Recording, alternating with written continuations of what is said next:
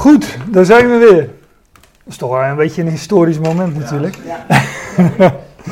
Ik heb het niet nagekeken wanneer de laatste keer eh, hier was, maar eh, wanneer zou dat geweest zijn? Maart? Maar, ja. Ja, nou dat was een memorabele dag natuurlijk, maar eh, nou we zijn weer terug en ik heb de rolmaat ligt daar, dus ik, ik heb het netjes nagemeten allemaal. Zo moet het goed zijn.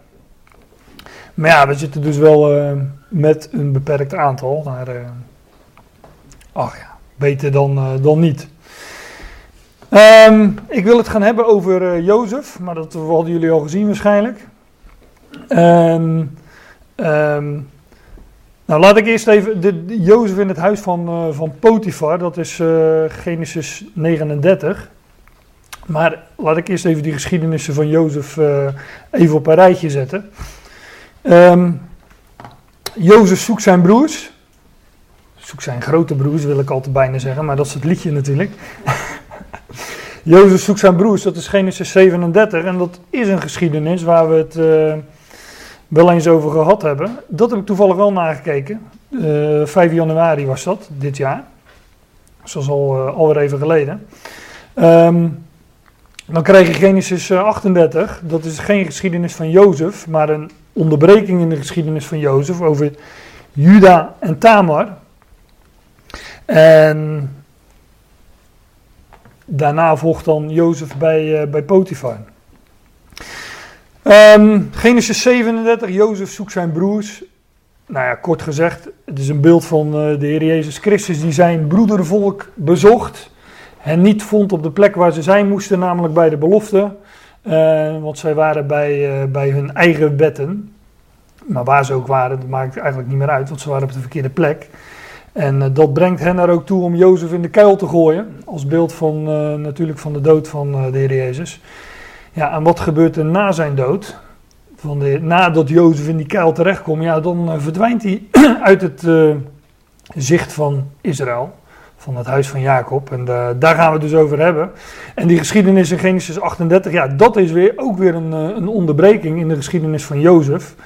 Wat natuurlijk alles eh, zegt over de onderbreking waarin, waarin wij leven. Nou, daar, daar ga ik, dat is verleidelijk natuurlijk om daar wat over te zeggen, maar dat ga ik niet doen. Want dat hebben we toen gedaan.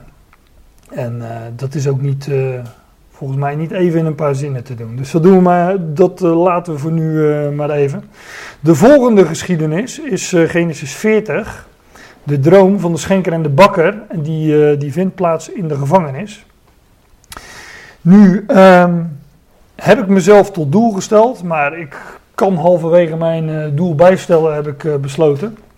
Om beide geschiedenissen te bespreken. Dus zowel die van Jozef bij Potifar en die van Jozef in de gevangenis eh, met de droom van de schenker en de bakker. En ja, als we eenmaal Genesis 39 besproken hebben, dan.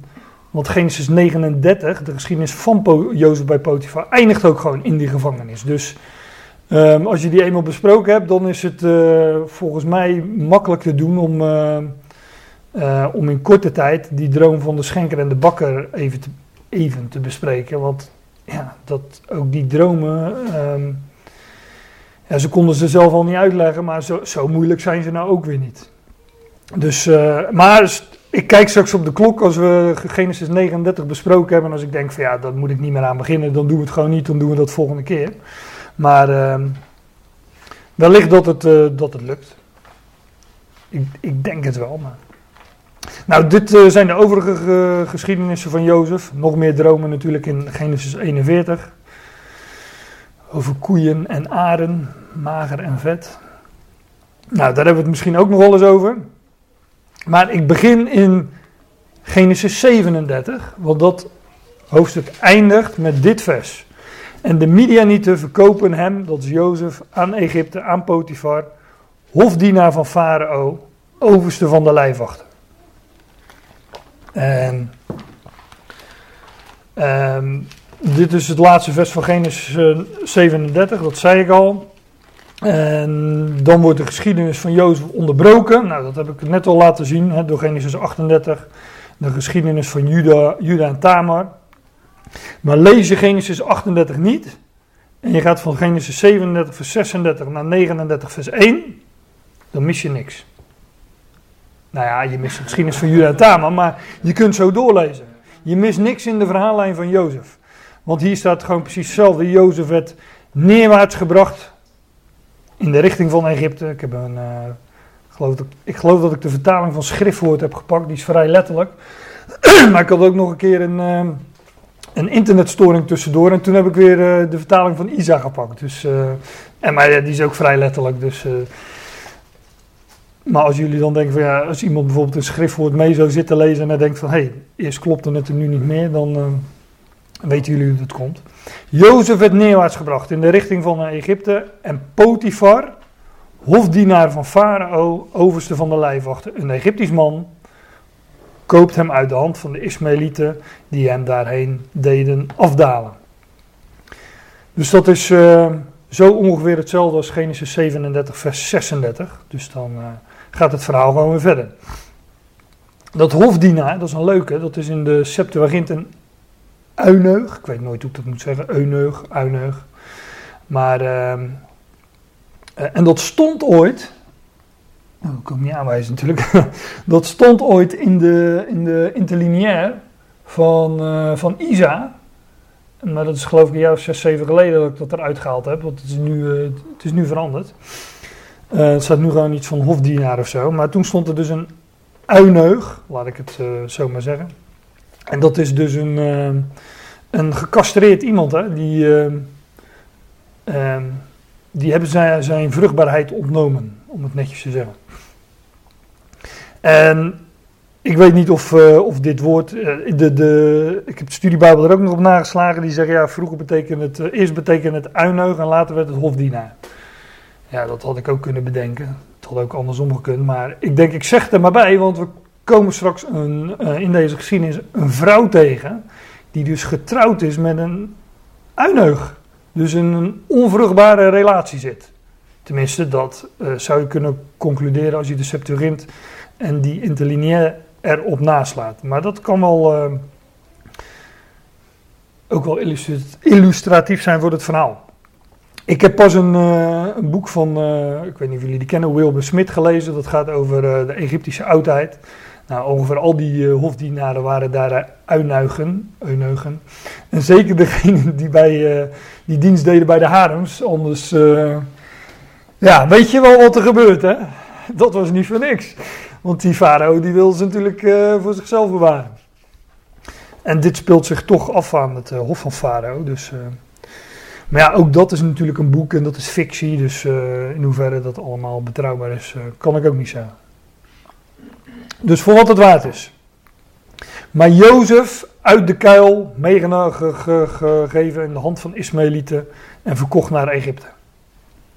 En daar verdwijnt hij uit het uh, zicht van het huis van Jacob. En dan staat er, en Jabé is met Jozef en hij is een voorspoedig man. En hij is in het huis van zijn heer, de Egyptenaar. Oh, nee, niks liever. Ja, ik ga door, sorry. En de heer is... Die stopte, er missen één mens. Ja, dat weten we. En zijn heer ziet dat Yahweh met hem is. Dat is wel leuk, als je in die, dat zie je in de interlineair. Zijn heer, dat is een woord dat we wel kennen, denk ik, is zijn Adonai. Maar zo wordt, zo wordt God ook altijd aangesproken, hè? En, uh, tenminste altijd. Uh, of, of Yahweh of Adonai in, uh, in de Tenach. natuurlijk zijn er nog wel meer titels, maar voornamelijk deze twee meen ik. En zijn Heer ziet dat Yahweh met hem is. En zijn Heer is dan Potifar. En hem is Jozef. En dat Jabé al wat hij doet in zijn hand voorspoedig maakt. Nou, ik hoef natuurlijk niet uit te leggen, en zeker niet als ik uh, de kring een beetje rondkijk, dat Jozef een type is van Christus. Dat, is, uh, dat, dat leer je volgens mij, uh, ik weet niet of, zondagschool nog bestaat, maar volgens mij leerde ik dat vroeger al op de zondagschool. En het is ook wel, ja, ik denk toch wel een van de duidelijkste typen uit de schrift van, van Christus Wat ik net al zei, hij eh, hij zijn- zijn, broeders gooien hem in de kuil en hij verdwijnt uit het zicht van het huis van Jacob. Nou, daar hebben we het eh, de een vorige keer over gehad. Maar hier staat dat Jabé al wat Jozef doet in, in zijn hand voorspoedig maakt. En iets soortgelijks, lees je, dat is overigens ook het Oude Testament, over de Heer Jezus Christus, ook profetisch, in, eh, in het boek Jezaja. Jezaja 53, erg bekend natuurlijk ook. maar daar staat, indien hij zijn ziel tot schuldoffer plaatst, zal hij zaad zien. Zal hij dagen verlengen en het verlangen van Jahweh zal voorspoedig zijn in zijn hand. Dat woord voorspoedig zijn is exact hetzelfde woord als in eh, Genesis 39. Maar Jozef is hier een type van de Heer Jezus Christus in het huis, ja, dat huis van zijn Adonai, van zijn Heer, namelijk het huis van Israël, of voor mij part in het huis van de vrouw, maar dat is ook het huis van Israël. Want de vrouw ja, is een type van Israël in de schrift. Vrouwen, ehm, nou ja, laat dat dan ook maar gelijk, ontrouwe vrouwen, hoeren in de schrift. Ja, vrouwen altijd een beeld van Israël en soms iets wat breder, maar dan betreft het de hele schepping. Ehm, en Jozef vindt genade in zijn ogen en hij verricht voor hem dienst. Ja, het, eh, genade, dat is het woordje gein. Ook altijd eh, leuk om even op te wijzen. Geinig. Maar gein, eh, dat heeft met vreugde te maken en genade natuurlijk ook. En die heer, die, eh, ja, alles wat, wat Jozef deed, dat was voorspoedig in zijn huis. Dus ja, daar had die man een hoop vreugde van natuurlijk, die Potifar. Dus Potifar die had een huis. En eh, in dat huis komt Jozef eh, terecht. Als beeld van hoe de Heer Jezus Christus in het huis van Israël eh, kwam. Straks wil ik dat nog wat smaller maken, maar voor nu is dat het even. Jozef vindt genade in zijn ogen en hij verricht voor hem dienst. Nou de- bijvoorbeeld Johannes 1. Het woord werd vlees. Het spreekt van de Heer Jezus Christus die vlees werd. En woonde onder ons en wij tabernakelde onder ons, staat er eigenlijk. En wij slaan zijn heerlijkheid gade. Een heerlijkheid als van een enig verwekte bij de Vader. Vol van genade en waarheid. En Jozef vond genade in zijn ogen. Ik had ook nog een ander vers uit de Evangelie aan kunnen halen. Daar staat over de Heer Jezus. Hij nam toe in wijsheid en grootte en vond genade in de ogen van God en mensen. Of iets dergelijks. Volgens mij is het, eh, nou, ik weet niet eens, Johannes of Lucas. En en Potifar, hij geeft hem de supervisie over zijn huis. Hij stelde hem over zijn huis, zegt eh, de Statenvertaling. En al wat van hem is, geeft hij in zijn hand. En het gebeurt dat vanaf toen hij hem de supervisie over zijn huis had gegeven en over al wat van hem is, Yahweh het huis van de Egyptenaar zegende, dankzij Jozef. en er is zegen van Yahweh over al wat van hem, is, van hem is in het huis en in het veld. En ik geloof dat dit een, ehm, ook een type is, een, een beeld is van de handelingenperiode. Waarin, eh, waarin God een krachtige, ja, dat, dat staat in Hebreeën 2, een krachtig getuigenis gaf. Hè, terwijl daar staat dat ehm, het woord, dat, door, dat is het voorgaande vers, het woord dat door de Heer werd gesproken en hen die hem horen, dus de apostelen en, en anderen, terwijl God dit met getuigenis ondersteunt, met tekenen, wonderen en allerlei machtige daden en met toedelingen van Heilige Geest. Er was een krachtig getuigenis dat Hij de Christus is. En ehm, ja, dat lees je van Jozef ook. Hè? Zegen van je over al wat van hem is in het huis. Als type van het huis van Israël en in het, in het veld. En hij laat al wat van hem is in de hand van Jozef. En hij wist niets over wat van hem was, behalve alleen het brood dat hij at. Ja, wat, dat, wat, wat daar de betekenis van is, ik, ik, ik weet het niet. Maar ik bedoel, je kan, als je een uh, huishouder aanstelt, hè, iemand die de, ja, dat heeft bij ons weer een beetje een andere betekenis gekregen, maar iemand die de, de, de gang van zaken regelt in het huis, dan uh, hoef je niks te doen dan alleen je brood te eten. Dat, komt, dat, dat moet je toch echt zelf doen. Daar komt het wel een beetje op neer. En dan staat er in Jozef was heel mooi van gestalte en heel mooi van verschijning. En ook deze frase, daaruit concludeer ik dat dit spreekt, dat deze geschiedenis met name, dus dan, dan zeg ik, ik maak wat smaller, met name spreekt van de Heer Jezus Christus die na zijn opstanding in heerlijkheid verscheen tot het huis van Israël. En dat deed hij wel via afgevaardigden ook. Maar, uh, uh, want we lezen in de, in, ook in Jezaja 53 dat hij in zijn aardse wandel gestalte nog heerlijkheid had dat wij hem zouden begeerd hebben. Dus ja, daarom zeg ik van dit, dit moet dan ook van de, de opgewekte Christus uh, spreken. En als je, dat is wel mooi, er zijn een aantal mensen waarvan, een aantal bijbelfiguren waarvan dit uh, zo gezegd wordt in, in de schrift dat ze mooi van gestalte waren. Er zijn een aantal. Dat is altijd een quizvraag natuurlijk. Hè? Weten jullie die of... Uh, Absalom. Absalom, ja. ja. Daniel ook, geloof ik. Saul. Saul. Saul vind ik altijd de mooiste, want er staat dat hij uh, een kop groter was dan, uh, dan iedereen. Dus uh, jullie kunnen zo even naast me komen staan, behalve Daniel natuurlijk. Maar hij was schoon van aangezicht en lang van gestalte en uh, hij stak een kop boven iedereen uit. Ook, zoiets. En uh, van David wordt het sowieso ook gezegd. Uh, van Daniel weet ik niet, zou eens op moeten zoeken. Nee? Nee? Nee, er staat wel dat ze na tien dagen water en brood, dat hij er beter uitzag dan de rest met zijn vrienden. Dat, dat staat er wel, maar ja. Maar Jozef was heel mooi van gestalte en heel mooi van verschijning. Dat moet natuurlijk ook uh, ten diepste spreken van de Heer Jezus Christus in zijn, uh, in zijn opstanding.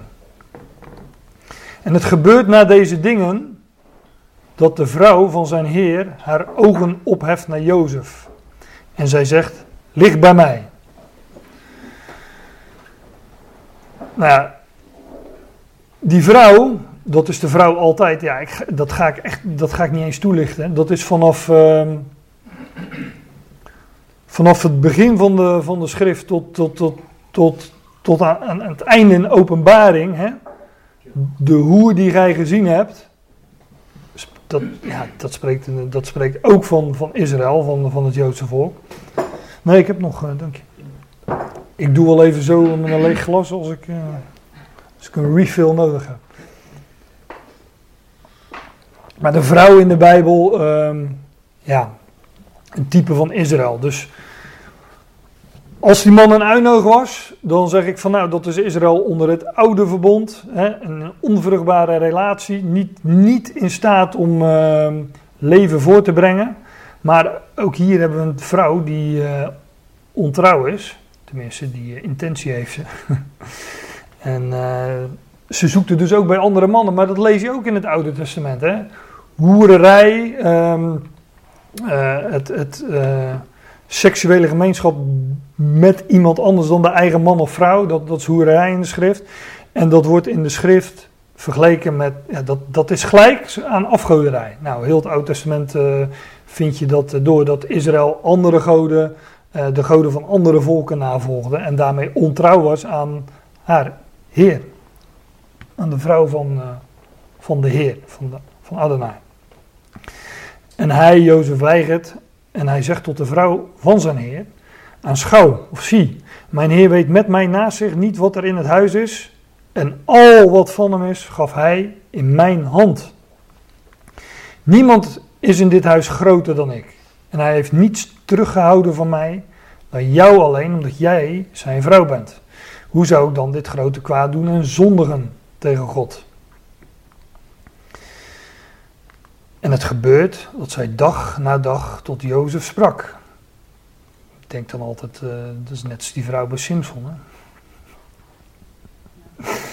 Ja. Wel sterk in zijn schoenen gestaan. hij moet heel sterk in zijn schoenen gaan. Ja, dat stond hij blijkbaar ook. Want hij stond op... eh, Oh, een jonkie, hoor, 17, 18 jaar of zo. ehm, die eh, hij is, hij ja, was 17 toen hij, eh, dat staat in Genesis 37, toen hij, ehm, ehm, toen hij de, zeg maar, eh, door zijn broers werd eh, verkocht. En hij was 11 jaar bij Potifar en 2 jaar in de gevangenis. Dus ja, dit, eh, dit is ergens gebeurd in die 11 jaar. Ja. Maar het gebeurde dat zij dag na dag tot Jozef sprak. En nou ja, dat, hoe heet ze ook weer van Simpson? Delila was dat, hè? Hm? Die- Maar hoe heet het? Ja, dat was toch Delila? Ja. Maar ik, ik, ik heb ooit een keer, dat toen was Jens nog heel klein en toen had ik hem een, eh, ik had hem 10 euro meegegeven naar het zwembad. En dat was, ja, hij mocht een ijsje kopen. En ehm, ik had gezegd, Jens, je- ik wil dat je het niet helemaal uitgeeft, dat er nog geld eh, mee terugkomt. Toen kwam hij terug met, ik geloof iets van eh nou, 1,15 euro of zo. Ik zeg, Jens, wat, is er, wat heb je gedaan? Wat, waar, is het geld gebleven? Ik zeg, je zou een ijsje kopen. Ik zeg, en ik heb ook gezegd van ja, als je met je vriend, want er ging met een vriendje, dan kan je daar ook een ijsje voor kopen en dan, eh, dan is het goed. Maar er waren dus een paar klasgenootjes van hem bij. En daar zaten meiden bij. En die, eh, ja, die waren dus net zo lang eh, aan zijn hoofd blijven zeuren totdat hij dat geld had gegeven. Dus ik werd, ik werd een beetje pissig op hem. En toen zei hij van ja pap, maar je weet toch, die vrouw bij Simpson, die bleef ook maar doorgaan. en zo ging het dus. Ja, nou ja, toen... eh, Toen was hij pissen. Vrij onschuldig. Toen was hij verontschuldigd inderdaad. Toen, eh, ik begreep het meteen. dus ja, dan moet je wel sterk in je schoenen staan. Maar Jozef stond sterk in zijn schoenen eh, blijkbaar. Want er staat, en hij luisterde niet naar haar om bij haar te liggen, om bij haar te zijn. En het gebeurt op een zekere dag dat hij naar het huis komt om zijn werk te doen. En er is geen man van de mannen van het huis daar in het huis. En zij grijpt hem vast bij zijn mantel, zeggend: Lig bij mij. Hetzelfde verhaal weer. Hè? Dat is trouwens natuurlijk een eufemisme, maar dat hoef ik jullie niet uit te leggen. Leggen. Uit te leggen. Lig bij mij. En dan laat zijn mantel in haar hand achter en hij vlucht. Oké. Jozef, type van Christus, komt in het huis van de vrouw, in het huis van Israël. En wat gebeurt is, hij zegt, lig bij mij, lig bij mij, lig bij mij. Eh, hij, eh, hij, eh, dat is overigens, kijk, ik, ik zeg, ik wil hem wel smal maken, hè, door te zeggen van hij was schoon van aangezicht, schoon van, van gestalte, dat is een beeld van de opgewekte Christus. Maar dat kun je ook niet loszien van de eerste komst van, van gewoon de komst, hoe van zijn wandel op aarde, hoe hij kwam tot het volk van Israël, voor zijn dood en opstanding, zeg maar. En daar lees je dat ze hem wel, wel degelijk wilden hè, als koning. Ze, na- ze wilden hem met geweld koning maken, ze lees je er- er- ergens in de evangelie. Ze wilden hem met geweld nemen van kom lig bij mij, hè, op, eh, om eh, de verhaallijn hier eh, te volgen. En ehm, hij laat zijn mantel in haar hand achter en hij vlucht. En klederen, maar het spreekt altijd van heerlijkheid. Zoals, een paar voorbeelden. De, veel, nou ja, de veelkleurige mantel van Jozef natuurlijk. Hè, de, beeld van de veelkleurige wijsheid van God, maar dat is heerlijkheid.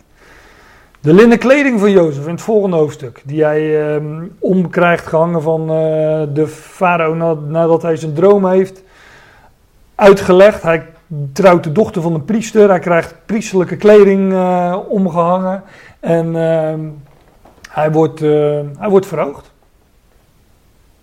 Nou ja, ook dat is natu- natuurlijk een type van de Heer Jezus eh, Christus. Misschien hebben we het daar ook nog wel eens over, hè? Genesis 41. Maar wat dacht je van het koninklijke kleed van Esther? In het boek Esther. Of het purperen kleed dat Daniel kreeg? Had hij ook iets uitgelegd, hè? Ook een verborgenheid eh, uitgelegd. Dat was volgens mij eh, Daniel 5, is dat niet van Belshazzar met het... de hand op de wand, mene, mene, tekel, uversim. Ja. nou, enzovoort, enzovoort. De, wat dacht je van de mantel van Elia en Elisa, hè? Elia die de mantel, Elisa die de mantel overnam van Elia. Zij deden maar hetzelfde mee, sloeg er ook mee op het water en ook gingen weken de wateren. Allemaal natuurlijk typologie en beelden, maar die klederen zijn een beeld van heerlijkheid. En het nieuwe, dat had ik ook nog aan kunnen halen. Paulus zegt gewoon in zijn, uh, in zijn brieven, leg dan die oude mens af, alsof het een mantel is. Leg die af en trek de nieuwe mens aan. Nou, is de nieuwe mens heerlijkheid of niet? Dat spreekt van heerlijkheid, maar ook van priesterschap maar, en ook van koningschap. Nou, wat gebeurt er hier? Hij laat zijn mantel in haar hand achter. Hij laat het koningschap achter en hij vlucht en hij gaat naar buiten. Een beeld van de Heer die het huis van Israël verlaat en zijn koningschap laat hij achter in het huis. Dat is in een paar zinnen de, de, beeld, de beeldspraak, de typologie hierachter. Ja, en dat de Heer het huis van Israël verlaten heeft, dat, uh, nou, ik heb er een paar uh, versen bij het handelingen, handelingen 28, vers 28. Het zij u dan bekend dat de redding van God, de zaligheid van God aan de heidenen, aan de natie gezonden werd. Maar, ik zeg erbij, ook daarvoor kan je echt terug naar de, uh, naar, naar, de, naar de komst van de Heer Jezus voor zijn dood en opstanding.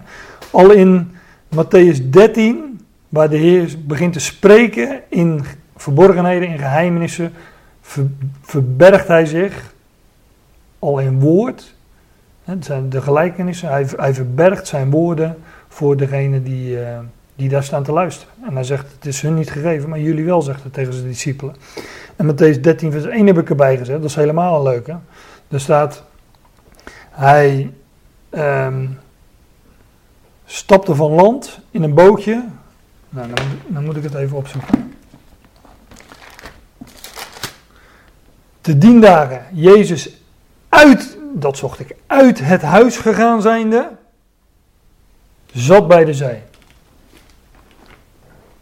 Als beeld van hoe hij het huis van Israël verliet en ging naar de zee, namelijk de Volkerenzee, een beeld van de natie. Nou, dat, dat wordt hier ook geïllustreerd. Hij laat zijn mantel in haar hand achter, het koningschap, bij Israël, en hij gaat naar buiten. Hij gaat naar de zee. Nou ja, naar de, hier naar de gevangenis, maar uiteindelijk. Maar dat is hetzelfde ongeveer. Maar daar kom ik straks op. en het is toen zij zag dat hij zijn mantel in haar hand achtergelaten had en dat hij vlucht naar buiten. En zij roept de mannen van haar huishouden en zij zegt tot hen zeggend, ziet hij heeft tot ons een Hebreeuws man gebracht om ons belachelijk te maken. Ook die, die, die vrouw die verwijt het eigenlijk haar man nog ook hè. Dit is echt, uh, deze vrouw is nog erger dan Delila, denk ik dan.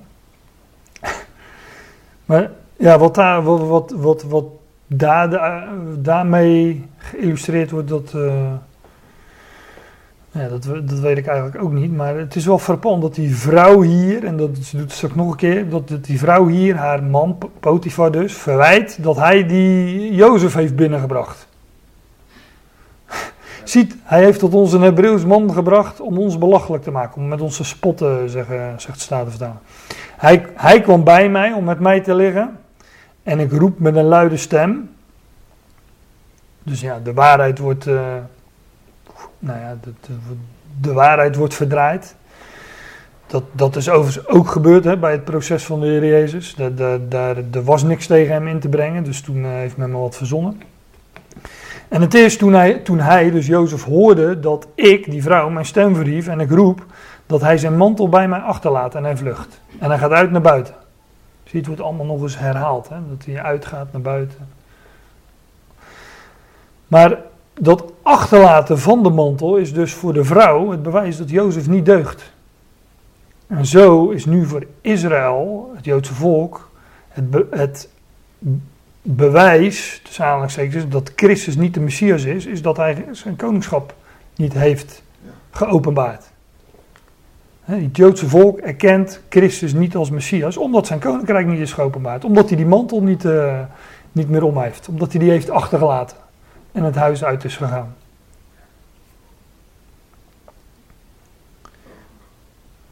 En zij legt zijn mantel naast zich neer, totdat zijn heer thuis kwam. En zij spreekt tot hem als deze woorden zeggend, de Hebreeuwse dienaar die jij tot ons gebracht hebt, kwam bij mij om mij belachelijk te maken. Hij krijgt de schuld. En het is toen ik mijn stem verhief en ik roep, dat hij zijn mantel bij mij achterlaat en hij vlucht naar buiten. Zie je, elke keer wordt het herhaald. En daarom denk ik van ja, we kunnen die geschiedenissen best, eh, die kun je vrij snel doornemen. Het is allemaal niet zo moeilijk en er wordt heel veel uh, herhaald. Sowieso in de geschiedenis van Jozef. Heel langzaam wordt het verteld en uh, als je in Genesis 41 ook komt met die, die, die droom van die koeien. Eerst zie je dat wordt verteld dat Farao het droomt. Dan, gaat het, dan wordt het nog eens verteld dat hij het droomt. En dan gaat Jozef het nog eens uitleggen wat hij gedroomd heeft. Nou, dan. Uh, ja, dus dan, uh, dan heb je het wel door wat er gezegd wordt. Dan hoef je niet. dat scheelt drie keer lezen. Ik had gewoon één keer lezen, het wordt toch drie keer gezegd. Maar dat zie je dus ook. Het wordt heel langzaam en. maar ook om de nadruk erop te leggen. Hè, dat hij zijn mantel bij mij achterlaat. Hij vlucht naar buiten. En het is toen zijn heer de woorden hoorde die zijn vrouw tot hem sprak, zeggend, als deze dingen heeft jouw dienaar tot mij gedaan, ontbrandde zijn toorn.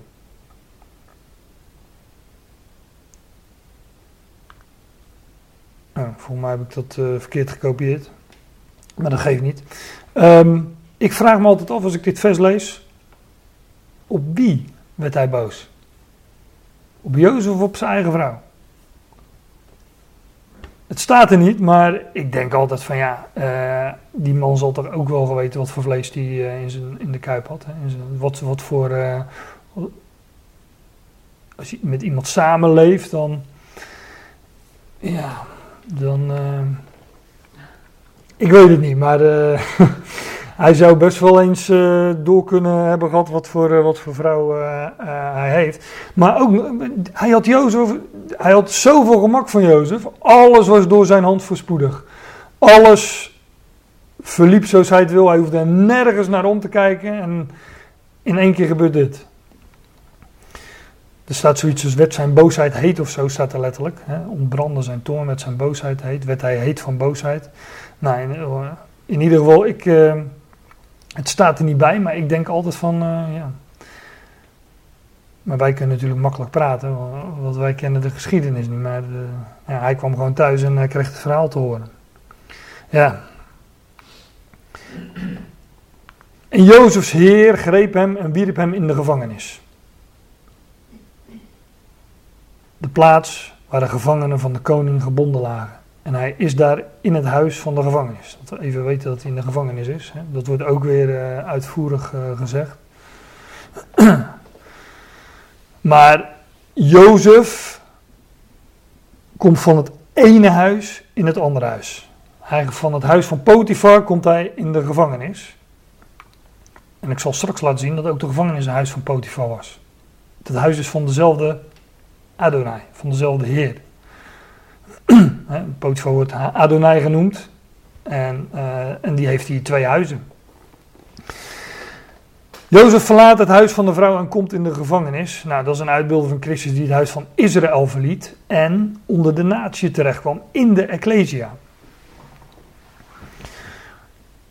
Een paar versen waar uh, Paulus zichzelf gevangene noemt. Als gevangene in de Heer roep ik jullie dan op, zegt hij in Efeze 4.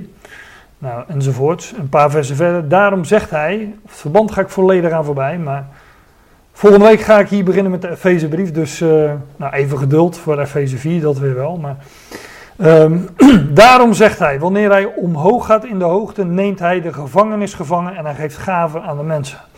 En dit spreekt van hoe in die uh, uh, begintijd van de Ecclesia, van de gemeente, van het lichaam van Christus, daar gaven werden gegeven en... En dat wordt hier. Ja, wat Paulus hier zegt in Efeze 4 is van ja, dat kun je al uh, terugvinden in uh, de psalm, weet ik even niet uit mijn hoofd, maar in de psalm waaruit dit wordt geciteerd. Verborgen weliswaar, maar hij neemt de gevangenis gevangen en hij geeft gaven aan de mensen als beeld van de Ecclesia die een uh, gevangen is.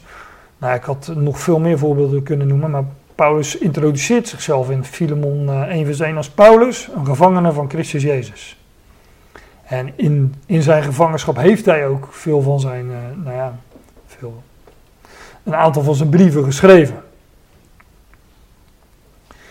Dus die gevangenis is een beeld van, eh, is een beeld van de ecclesia, van de gemeente. Hè, ehm, net zoals bijvoorbeeld Adullam dat is, waar ook allerlei eh uitschot was samengekomen rondom eh, David, die weliswaar gezalfd was als koning, maar nog geen koning was. Nou, zo, ken, zo kennen wij Jozef. Hij is uit het huis van Potifar eh, gezet, heeft zijn mantel erachter gelaten en nu ehm, zitten wij met hem in de gevangenis. En de gevangenis is natuurlijk een, ehm, eh, een, een, een, een, begrip wat negatieve associaties oproept bij ons. Eh, dat is niet geheel onterecht natuurlijk, maar aan de andere kijk, wij denken in een gevangenis opgesloten, maar het is meer, het is ook het feit, vanuit de maatschappij is natuurlijk het beeld dat je buitengesloten bent van de maatschappij. Dat je niet werkelijk tot die maatschappij behoort. Maar ik heb een blauwe maandag in de gevangenis gewerkt. En daar kwamen toch echt ook mensen die, eh, die zich tamelijk vrijwillig lieten opsluiten om, eh, om de winter door te komen. Die verhalen kennen we ook allemaal. En als je gevangene bent, je hebt nergens meer omkijken naar. Er wordt, wordt voor je gezorgd van. eh, ja, er wordt de hele dag voor je gezorgd. Je hebt, eh, je hebt weinig zorgen verder. Het enige wat je, waar je moet, voor moet zorgen is om de, dag door te komen. Maar als Jozef daar in de gevangenis is en die deelde lakens uit, dan, eh, dan is het goed, want dat staat in het volgende vers. Jawel is met Jozef en hij verstrekt hem goedheid en hij geeft hem genade in de, in de ogen van de overste van het huis van de gevangenis. Dus ook de gevangenis is een huis. Maar ook hier gaat het hem weer goed. En ook hier ehm, ontvangt hij weer genade in de ogen van de overste van het gevangenhuis. Nou, dat vinden we ook in de brieven van Paulus, hè, 1 Timotheus 3. Daar wordt de ecclesia, de uitgeroepen vergadering, zegt eh, de geschriftenvertaling altijd. De ecclesia, de uitgeroepen vergadering van de levende God, die is Gods huis. Dan weet jij hoe men zich moet gedragen in Gods huis. Dat is de ecclesia van de levende God. Een steunpilaar en basis van de waarheid. Ja, is dus met Jozef. Hij verstrekt hem goedheid en hij geeft hem genade in de ogen van de overste van het huis van de gevangenis. Nou, vergelijkbare woorden vonden we in vers 4 in het huis van Potifar, was dat nog. En die overste, ik zei al, dat is Potifar, het overste van het huis van de gevangenis is ook Potifar. Want als we in Genesis 40 aankomen, daar staat, hij plaatst hen, de schenker en de bakker, kennen jullie ook allemaal van de zondagschool, in bewaring in het huis van de overste van de lijfwachten, in het huis van de gevangenis, de plaats waar Jozef gevangen was. Maar de overste van de lijfwachten, dat wordt in, ehm, in, in de Statenvertaling altijd de overste der trawanten wordt dat genoemd. Die vonden we al in Genesis 39 vers 1. Daar stond Jozef werd neerwaarts gebracht in de richting van Egypte. En Potifar, Potifar, hofdienaar van Farao, overste van de lijfwachten. Dus dat, Potifar is de overste van de lijfwachten. Potifar is de overste der trawanten. Een Egyptisch man. Hij kocht Jozef uit de hand van de Ismaëlieten. Maar hij komt gewoon in het, van het ene huis van Potifar komt hij in het andere terecht. In het ene huis van de overste van de lijfwachten komt hij in het andere huis van de overste van de lijfwachten terecht. Dus eh, is een trawant is dat blijkbaar een lijfwacht of eh, de overste der trawant is de overste van de lijfwachten blijkbaar. Wat die term ook. eh, maar die, die, dat, ja, dat lees je dan ook in de commentaren. Dat ging wel wat breder dan een clubje lijfwachten. Dat was een, een hele hofhouding waarschijnlijk waar die man de, het bevel over voerde. Maar die, dat wil ik laten zien, die Potifar had dus twee huizen. Eentje met een onvruchtbare vrouw en een gevangenis.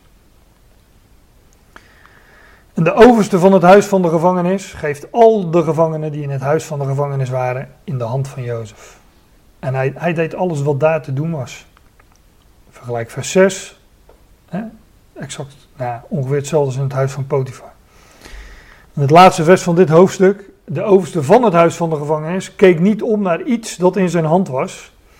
Omdat Yahweh met hem was. En Yahweh maakte voorspoedig alles wat hij deed. Nou, ook daar heb ik op gewezen.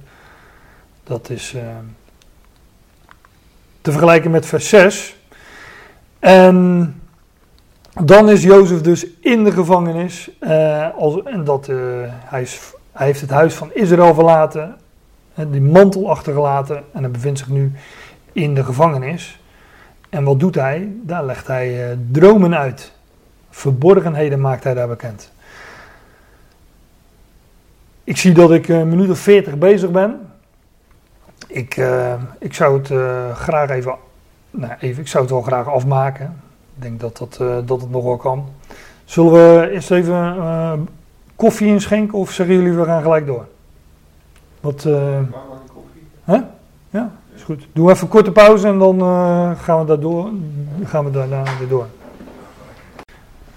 Ja, we gaan verder met eh, de geschiedenis van Jozef. Jozef in de gevangenis, of eh, ik had ook kunnen zeggen de schenker en de bakker, want eigenlijk zat hij in het eh, vorige hoofdstuk al in de gevangenis natuurlijk.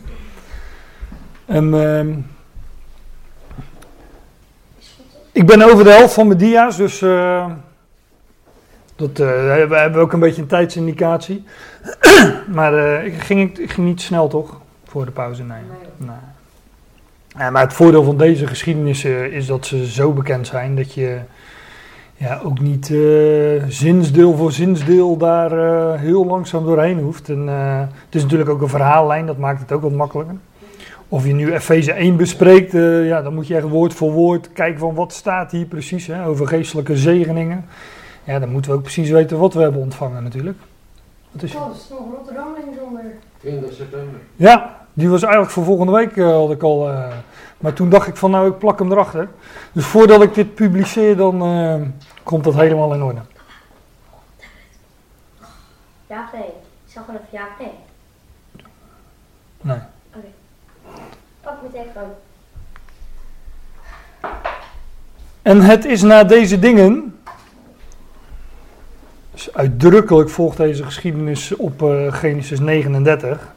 Dat hoeft er helemaal niet bij te staan, maar dat staat er wel bij. Het is na deze dingen dat de schenker en de bakker. Zo heet ze ook altijd, hè? De schenker en de bakker. Niet de schenker en bakker, maar de schenker en de bakker. De schenker en de bakker van de koning van Egypte zondigden tegen hun heer, de koning van Egypte. Nou, als je alle theorieën wilt horen wat ze gedaan hadden, dan eh, moet je de naslagwerker erop naslaan, maar in de Bijbel staat het niet. Maar omdat het om voedsel eh, gaat, eh, houdt men het meestal op eh, een poging tot vergiftiging. En, nou ja. Dus het is na deze dingen, hè, dus Jozef komt van het ene huis in het andere huis. En dat de schenker en de bakker van de koning van Egypte zondigden tegen hun heer, de koning van Egypte. En Farao, ja, jij bent coronaproof, dus jij mag overal zitten. Deze stoel, is. Ga. Ja, je moet er niet voor gaan zitten natuurlijk. Zit ze er niet voor, eh, Linda? Zit ze ervoor? Nee, goed Anders zijn daar ook nog... Eh, Farao is driftig, boos op zijn twee hofdienaren. Op de overste van de schenkers en op de overste van de bakkers. Dat wisten we al, hè? Dat, eh, maar dat wordt dus ook weer herhaald. Nou, wat doet een schenker? Die schenkt wijn. Dat zullen we straks ook zien. En wat is, ja, wat is wijn? Daar kun je een eh ochtend bijbelstudie over geven, maar dat heb ik dus maar eh, ik heb maar voor de korte route gekozen, want ik ga er toch wel een beetje van uit dat, dat we dat eh, intussen weten. Wijn is een beeld van leven, van opstandingsleven. Hè, van nieuw leven voor mijn part. Maar eh, dat wat uit de kelder is gekomen naar, naar boven en, dat, eh, en nu is het geestrijk vocht. Het was druivensap, een tijdje in de kelder gelegen, maar toen stond het op uit de kelder en toen was het opeens spirit, op het leven, legaim. Nou ja, dat, eh, zelfs in het, eh, in het algemeen taalgebruik eh, is dat zo. Hè? Daar hoef je niet eens een gelovige voor te zijn om te zeggen op het leven of, of wat dan ook. Proost. De bakker, wat doet een bakker? Die bakt brood met zuurdesem of gist. een beeld van onder andere zonde. Ik zal het straks nog wel laten zien, maar ook een onderwerp, daar kan je, kan je ook een uur bijbelstudie over geven. Maar ik, ik heb geloof ik één vers eh, in mijn presentatie gezet waar dat, eh, waar dat wordt uitgedrukt. Maar zuurdesem, pardon, zuurdesem, dat, dat woord zeggen, dat is zuur. Dat is wat het brood doorzuurt. Eh, of gist, dat is wat brood, ja wij zeggen dat is lekker, dat geeft het inhoud, maar het is, het is natuurlijk gebakken lucht. Het, het lijkt de, dingen groter te maken dan dat het eh, daadwerkelijk is. En het brengt ook nog eens eh, het eh, rottingsproces op gang. Want zodra je zuurdesem of gist gaat toevoegen, ja, dan wordt de houdbaarheidsdatum beperkt, zeg maar. En dan wordt het opeens nogal vergankelijk. En ongezuurd brood, ja, dat, waar geen zuurdesem of gist in zit, dat... ik weet niet of dat onvergankelijk is, maar dat is, dat is niks in deze schepping natuurlijk. Maar dat, eh, dat is wel een beeld van. Het gaat heel lang mee. Dat is een beeld van onvergankelijkheid. Hij plaatst hen in, in bewaring in het huis van de overste van de lijfwachten. Dat wisten we nou ongeveer wel. In het huis van de gevangenis, ook dat wisten we wel. De plaats waar Jozef gebonden was. Dat is het ook wel. Ja. nou, zoals gezegd, de gevangenis is een type van onze tijd, van de Ecclesia. Jozef als beeld van Christus is buiten het gezicht, buiten het oog van het huis van eh, Jacob. En een andere naam voor Jacob is ook gewoon Israël. En Jozef deelt in de gevangenis de lakens uit.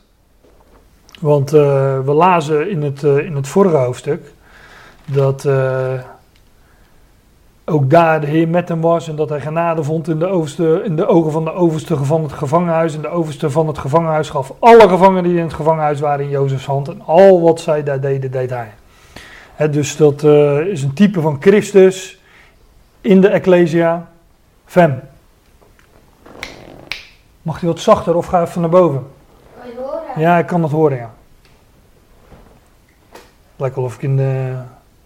Vroeger zat je dan in de bus... ehm, in de bus op weg naar school en dan hoorde je dat ook naast je. Of degene die naast mij zat hoorde dat. Dat kan ook natuurlijk. Een type van onze tijd, buiten het oog van, ja, buiten het, oog van het huis van Jacob, deelt Jozef, hè, en dat is het beeld van Christus, de lakens uit. En de overste van de lijfwachten vertrouwt hen aan Jozef toe, en hij verricht dienst aan hen en zij zijn dagen in bewaring.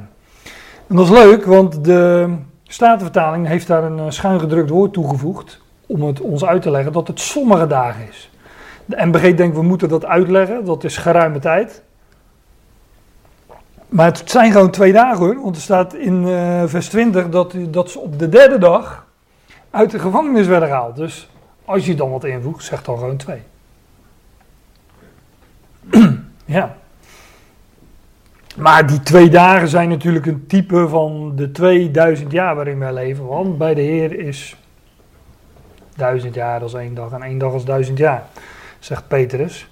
En dat vinden we dus nogal eens in de schrift. En eh, de eerste die minuten binnenschiet is Paulus aan het einde van Handelingen. Ik noemde net Handelingen 28. Die vanuit een, eh, een soort gevangenis, zijn eigen gehuurde woning waar hij gevangen zat, iedereen ontving en vertelde van het koninkrijk voor iedereen die het maar wilde horen, kon tot Paulus komen en hij eh, legde uit hoe het zat met het koninkrijk van God. nou, daar, eh, daar spreken die twee dagen van. En hier is het Jozef die. eh, Paulus legt de verborgenheden uit, hè, dat doet hij in zijn brieven. En hier is het Jozef die verborgen dingen uit gaat leggen.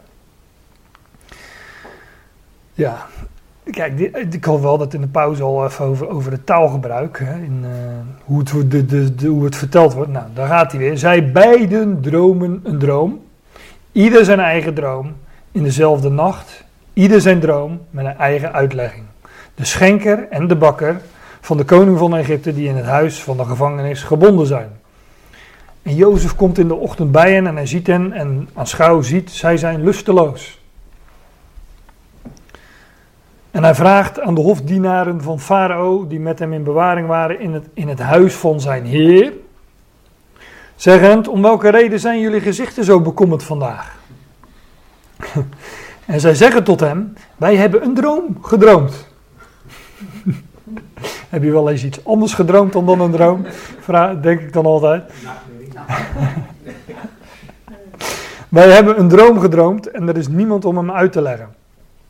En Jozef zegt tot hen: Zijn uitleggingen niet een zaak van God? Verhaal het alsjeblieft aan mij. En dat zei ik net al, dromen uitleggen is het, het, het openbaren van verborgen dingen, van verborgenheden, van geheimen, geheimenissen. En Jozef, hè, zijn uitleggingen niet een zaak van God? Verhaal het alsjeblieft aan mij. Jozef die stelt zich hier op als een, ja, ik heb maar het woord voor representant. Uh, ik had ook kunnen zeggen als een, als een beeld van God. Als iemand die God vertegenwoordigt, als een middelaar tussen God en mensen. Ja, dat is, is zo'n duidelijk type van Christus. Verhaal het alsjeblieft aan mij. Jozef had daar ervaring mee natuurlijk. Die, uh... En Jacob was niet in de buurt. Want die kon het ook, hè? In uh, Genesis 37. Je denkt toch niet dat ik, je moeder en je broers voor jou zullen buigen, Jozef?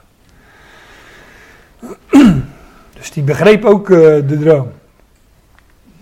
En de overste van de schenkers verhaalt aan Jozef zijn droom en hij zegt tot hem: In mijn droom en aanschouw, een wijnstok staat voor mij. Legaim, wijn is leven, hè? dat weten we.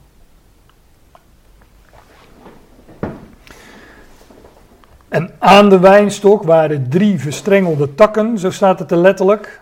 De meeste vertalingen zeggen ranken, maar ja, ranken zijn verstrengelde takken en zodra hij begon uit te botten, kwam zijn bloesem op en zijn trossen droegen rijpe druiven. En Farao's beker was in mijn hand en ik neem de druiven en ik pers ze uit in Farao's beker en ik geef de beker in Farao's hand. Misschien ligt het aan mij hè, dat wij de voorkennis hebben, maar zo'n moeilijke droom het nou toch ook weer niet, zou je zeggen. nou, Jozef zegt, dit is de uitleg ervan wij zijn natuurlijk ook gewend om verborgenheden te onthullen. Hè? Dus, uh. en Jozef zegt tot hen, dit is de uitleg. De drie verstrengelde takken, de drie ranken, dat zijn drie dagen. Nou, dan kun je de rest raden. Dat is, dan is het helemaal niet moeilijk meer. Binnen drie dagen zal Farao jouw hoofd opheffen en hij doet jou terugkeren op jouw post. En jij geeft Farao de beker in zijn hand, hè, weer in zijn hand, zoals de vroegere gewoonte toen jij zijn schenker was. En. Wat? De spelling is verkeerd, hè? Is de spelling verkeerd? Hè? Voor en moet de komma weg en moet. Uh... Ja, maar ik heb het overgenomen uit een vertaling, Jens. Dus. Uh... Voor, voor en mag eigenlijk geen komma, mits het een tussenzin is. Dan mag het wel. Maar ja, zo, ja, misschien dat, dat, je, dat je dat nog niet gehad hebt op het voortgezet onderwijs. maar uh, vanmiddag geef ik je bijles. Um, dus binnen drie dagen zal Farao jouw hoofd opheffen en hij doet jou terugkeren op jouw post. En uh, nou ja, zoals de vroegere gewoonte. Hij zou weer hersteld worden in zijn ambt. En dan zegt Jozef, want die, uh, Jozef was een slimme man, dat, dat lees je in het volgende hoofdstuk ook, als hij de dromen van Farao uiteindelijk uit gaat leggen zegt hij gelijk van, uh, ziet, zie, maar, zie uit naar een wijs man die, uh, die uw zaken gaat regelen in die vette jaren, zeg maar. Maar hier zegt hij, hij denkt, uh, als een goede marketing specialist geweest, denk ik. Hij denkt gelijk even na, hij zegt, gedenk mij dat jij hier was met mij wanneer het jou goed zal gaan. Doe alsjeblieft vriendelijkheid, goedheid aan mij en vermeld mij bij Farao en breng mij uit dit huis. Want ik ben gestolen, ja gestolen. In de Statenvertaling staat, ik ben diefelijk ontstolen. Maar het is zo'n Hebreïsme. Ik ben gestolen, ja gestolen uit het land van de Hebreeën. Dus ook hier weer, hij is buiten het land van de Hebreeën. En ook hier, ook hier heb ik niets gedaan waarom ze mij in de kerk, uh, kerker zouden plaatsen. Kerker, kerk en kerk. Dat, uh, kerker en kerk, dat heeft toch, toch weer... Uh, overeenkomst, hè? En ik heb wel eens iemand horen uitleggen dat het woord circus daar ook alles mee te maken heeft. Circus, dat schrijf je. Je schrijft ongeveer allemaal hetzelfde. Een C kan je ook uitspreken als een K. Ja. Ja, ik weet natuurlijk niet of het waar is, maar ik, uh, ik zie er de humor wel van in. Dat is de inlegkunde. Ja. Kom je er even bij. Ja. Ik ben gestolen, ja, gestolen uit het land van de Hebreeën. Ook hier heb ik niets gedaan waarom ze mij in de kerken zouden plaatsen. Oké, dus dat is de uitleg van de eerste droom. En die ooster van de bakkers denkt, dat gaat goed. Doe mij ook maar een uitleg dan. En de overste van de bakkers ziet dat hij een goede uitlegging gaf. En hij zegt tot Jozef, ook ik was in mijn droom. En aanschouw, drie dienbladen van vlechtwerk waren op mijn hoofd. Drie manden, gevlochten manden. En op het bovenste dienblad was allerlei voedsel voor farao. Het handwerk van een bakker. Maar wat de schenken voortbrengt is wijn, is leven, is nieuw leven, is geestrijk vocht. Maar wat een bakker voortbrengt is zuurdesem. En de heer Jezus bijvoorbeeld in de evangelie zegt wat zuurdeeg, zuurdesem is. En dan zegt hij tot zijn discipelen, Jezus zei tegen hen, zie toe, geeft acht op het zuurdeeg van de fariseeën en sadduceeën. En dan krijg je een discussie tussen de, tenminste die, die discipelen die vragen zich af van, hè, zijn we brood vergeten? En dan zegt de heer Jezus, joh, jullie hebben net dat wonder gezien van de vermenigvuldiging van de broden. Waarom denken jullie dat ik het over brood heb? Enzovoort. En dan een paar versen verder staat dit, hoe verstaan jullie niet dat ik het niet over de broden tegen jullie zei? Ik heb het niet over brood, maar geef acht op het zuurdeeg van de fariseeën en sadduceeën. Legt hij het weer niet uit, hij herhaalt het gewoon. En dan begrijpen zij dat hij niet zei acht te geven op het zuurdeeg van de broden, maar op het onderwijs, op de leer van de fariseeën en sadduceeën. En dat is geen compliment. Dus een uh, zuurdeeg is een, een beeld van zonde, van valse leer, van dwaalleer, hoe je het ook wilt noemen. Um, en ik, zit even te denken, ja, de, in 1 Korinthe 5 heeft Paulus het bijvoorbeeld over uh, zuurdeeg. Zuivert dan de oude zuurdesem uit, opdat gij een nieuw deeg zijn moogt, zoals jullie ongezuurd zijn. Dus zuurdeeg, beeld van zonde, beeld van het oude, hè, gist van gisteren. En uh, dat wat bederf brengt. Dan staat er, en het gevogelte at vanaf het dienblad boven mijn hoofd.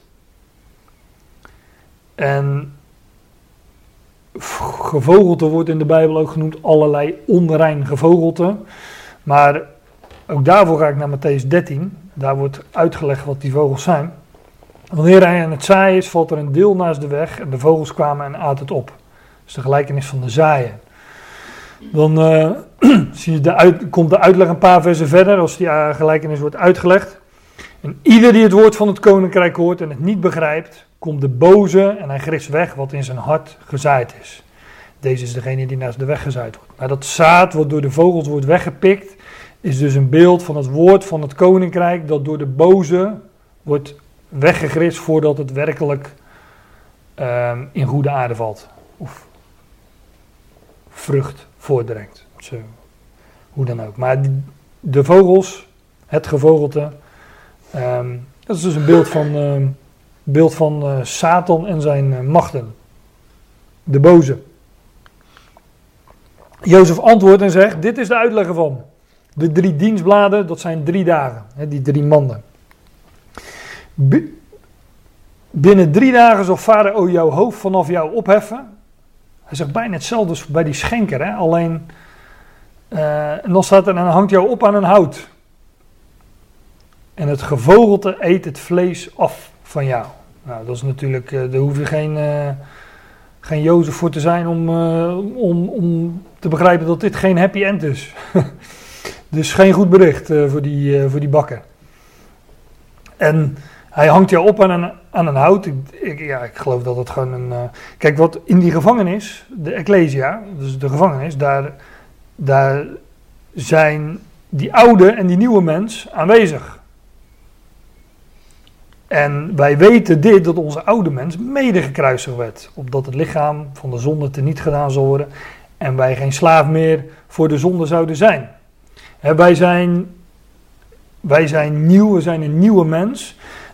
maar ehm, wij, wij, ons lichaam is nog niet verlost.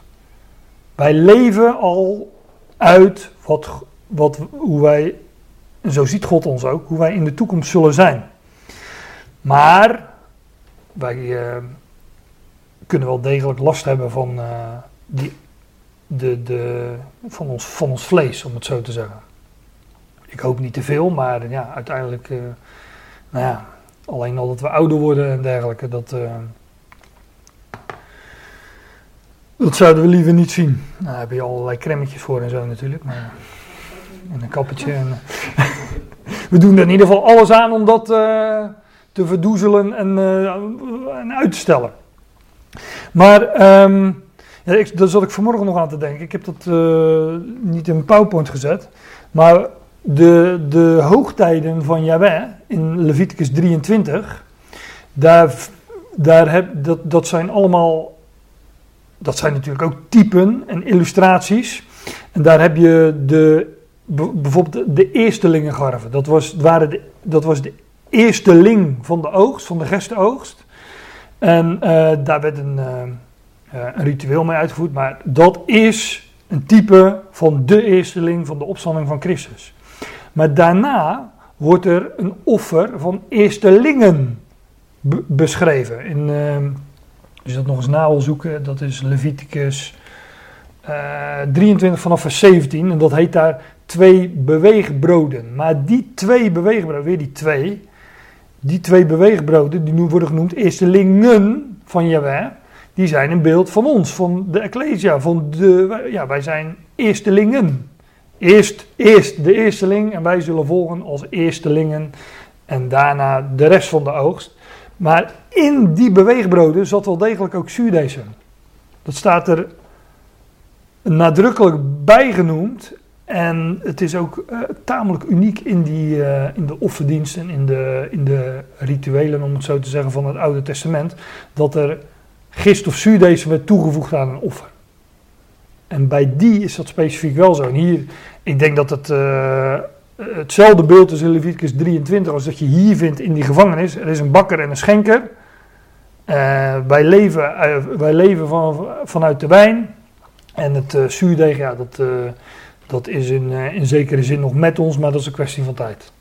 En we leven al uit wat wij in de toekomst zullen zijn. En we weten ook dat God ons zo ziet, omdat, we, eh, omdat, omdat dat de verborgenheid is die Paulus bekend maakt. Het gevolg, nou ja, ik lees gewoon verder. Het is op de derde dag. ja, nou, daar hoef ik niks over te zeggen, toch over de derde dag.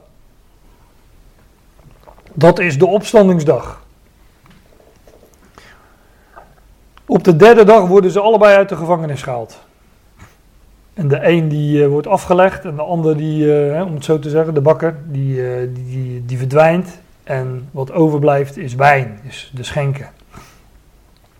Dus de, dag, de, dag de derde dag is natuurlijk de dag van de opstanding en dat vind je de, de hele schrift door.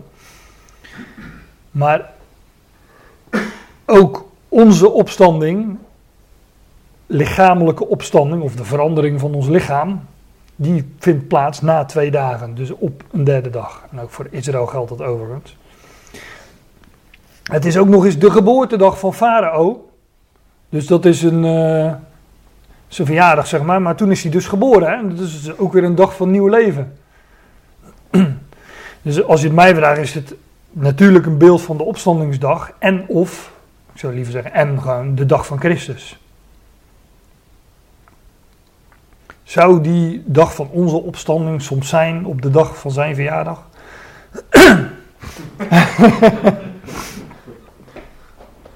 Daniel. Daniel, zou dat zo kunnen zijn? 10 Nissan is dat, uh, meen ik? Nou ja. Moeten we alleen nog jaar, uh, het goede jaar erbij hebben, maar... Ja, ja. Maar dat houden we voor off the record. Uh. Ja.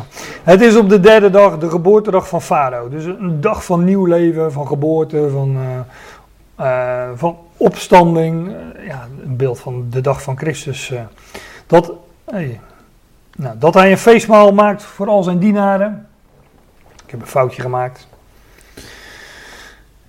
Dus daar komt een feestmaal voor al zijn dienaren. Nou, dat wordt zeker een feest hè, als wij tot hem eh, vergaderd zullen worden. En hij heeft het hoofd op van de overste van de schenkers en het hoofd van de overste van de bakkers in het midden van zijn dienaren. Apart hè, hoe die twee toch samen genoemd worden. En als je dit leest, dan lijkt het alsof of, of, of hen allebei hetzelfde lot ondergaat. Want zij zijn eigenlijk één. Hoe het beschreven wordt, het, ja, je moet erover vallen. Hoe- want toen, de, toen Jozef de dromen uitlegde, maar ik ga nu niet meer terug, maar lees het maar na. Hij zegt eigenlijk over die bakker hetzelfde als over die schenker. Hè? Hij zal jouw hoofd van jou opheffen. En alleen bij de schenker is dat positief en bij de bakker is het er negatief. Kost, zijn kop, kost hem zijn kop, zeg maar. Ik zit te denken waarom ik hier de interlineair wel onder eh, geplakt heb, maar... eh, nou ja, ja om, om aan te geven dat, eh, dat het opheffen van het hoofd, ja, dat is echt voor beide. En het hoofd van de overste van de schenkers en het hoofd van de, van de overste van de bakkers. En hij doet de overste van de schenker, schenkers terugkeren naar zijn inschenken. En hij geeft de beker weer in Farao's hand. Dus voor de schenker geldt, hij leefde nog lang en gelukkig. Ja, wat heet, is onvergankelijk. Waar hij een beeld van is. Van die nieuwe mens. Die, eh, nou ja, daar zijn oh ja, de wijn is natuurlijk een beeld van leven. Maar die beker is ook nog eens een beeld van overwinning. Hè? Nou loopt Jens net weg. Maar die heeft een paar bekers op zijn kamer staan. Hè? En Fem hoort het niet. Maar die heeft, er ook, eh, die heeft ze ook. Korfbal en voetbalbekers. Tegenwoordig krijgt iedereen een beker. Dat is een beetje een rare gewoonte vind ik. Maar de beker is een beeld van de overwinning. En als er ook nog eens wijn in zit, dan, eh, dan zeker. Maar die, eh, die, die, die, die, die, die schenken, die nieuwe mens, ja, die komt uit de gevangenis en, en het is feest. En de overste van de bakkers hing hij op. Zoals Jozef hen had uitgelegd. Dus ja, die, die nemen wij niet mee op de dag van Christus. Dat, dat eh, vergankelijke, dat, eh, dat aan het bederf onderhevig is. Zoals Jozef aan hen had uitgelegd. Het, is net, zo, eh, het staat er ook net alsof van, nou, Jozef had het zo uitgelegd, dus alsof het daardoor gebeurde. Maar ja, en dan lees je in het laatste vers. De overste van de schenkers dacht niet aan Jozef. En hij vergeet hem. En dat is natuurlijk eh, van belang voor het vervolg. Want aan Jozef wordt niet meer gedacht. Hij blijft verborgen. En in de volgende geschiedenis, in Genesis eh, 41, is Jozef nog steeds verborgen voor het huis van Israël, voor het huis van Jacob. En gaat hij weer verborgenheden uitleggen. Maar eh, wellicht, eh, ik zeg niet de volgende keer, maar eh, bij tijd en eh, leven gaan we daar denk ik nog wel eens een keer over hebben. Maar ik beloof niet dat dat de volgende keer al is, want dat eh, zien we dan wel eh, weer. Ik ga het hierbij laten, dus, eh, want dit is ook het laatste vers.